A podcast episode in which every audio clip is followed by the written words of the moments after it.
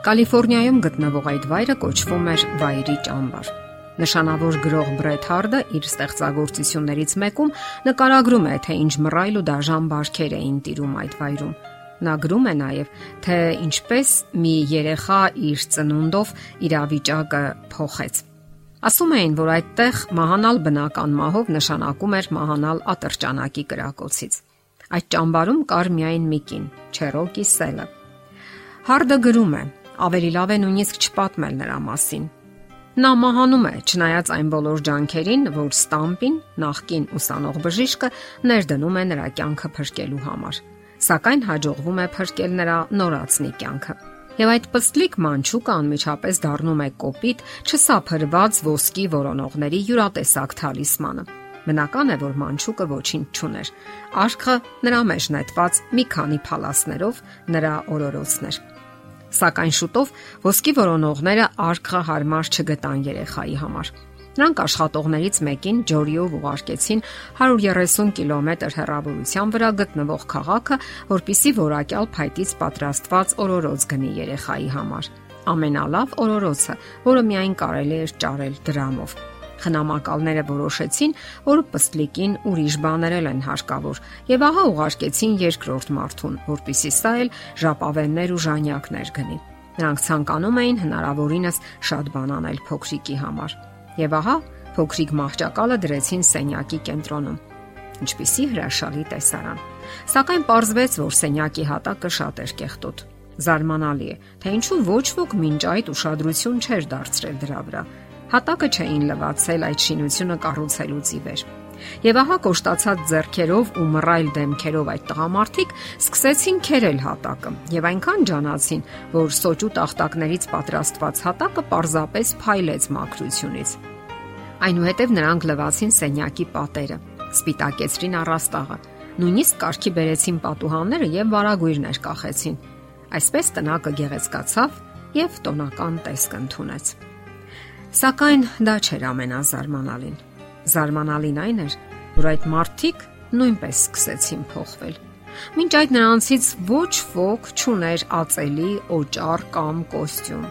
Տղամարդիկ, որ մինչ այդ ոսկուց բացի այլ բանի մասին չէին էլ մտածում, սկսեցին ճպտալ եւ փաղաքշական ձայներ արձակել, երբ փոքրիկի աչուկներն իրենց էին նայում։ Այս պատմությունը տեղի ունեցել շատ տարիներ առաջ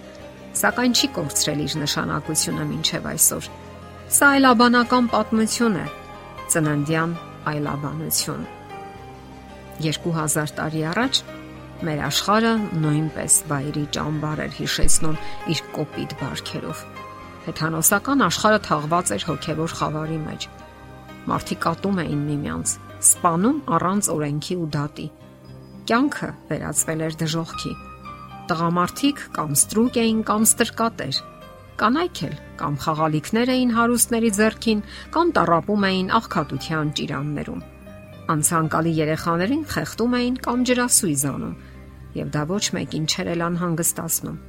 Եթե ինչ որ մեկը սپانում էր հարևանի անասունին, կարող էր մահվան դատապարտվել։ Իսկ եթե սپانում էր իր ստրուկին, անպատիժ էր մնում։ Մարդու իրավունքների մասին համարյա ոչինչ չգիտեին եւ այս աշխարհ Աստված ուղարկեց իր որդուն անօքնական անպաշտպան մի նորածին սակայն այդ նորածինը փոխեց աշխարհը Բեթլեհեմի մսուրքի ճառագող լույսի շողերի ներքո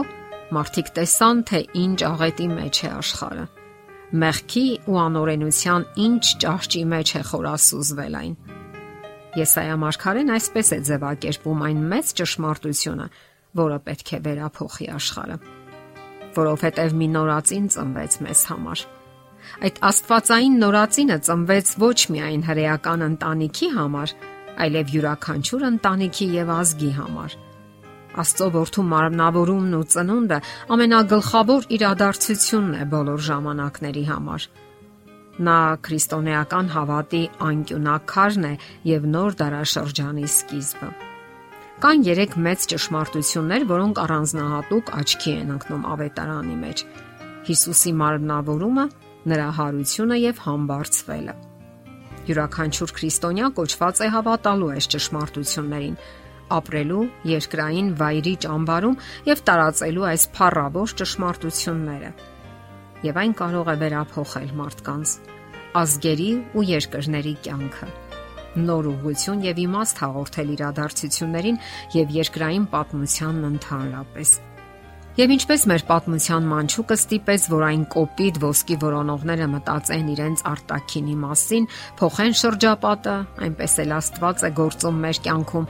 եւ ցանկանում վերափոխել մեզ եւ մեր շրջապատը։ Երբ Աստված գործում է մեր կյանքում, մենք վերափոխվում ենք։ Իսկ արդյոք ընդունում ենք նրան թույլ ենք տալիս վերափոխել մեր ներսը։ Մեզանից շատ բան է կախված։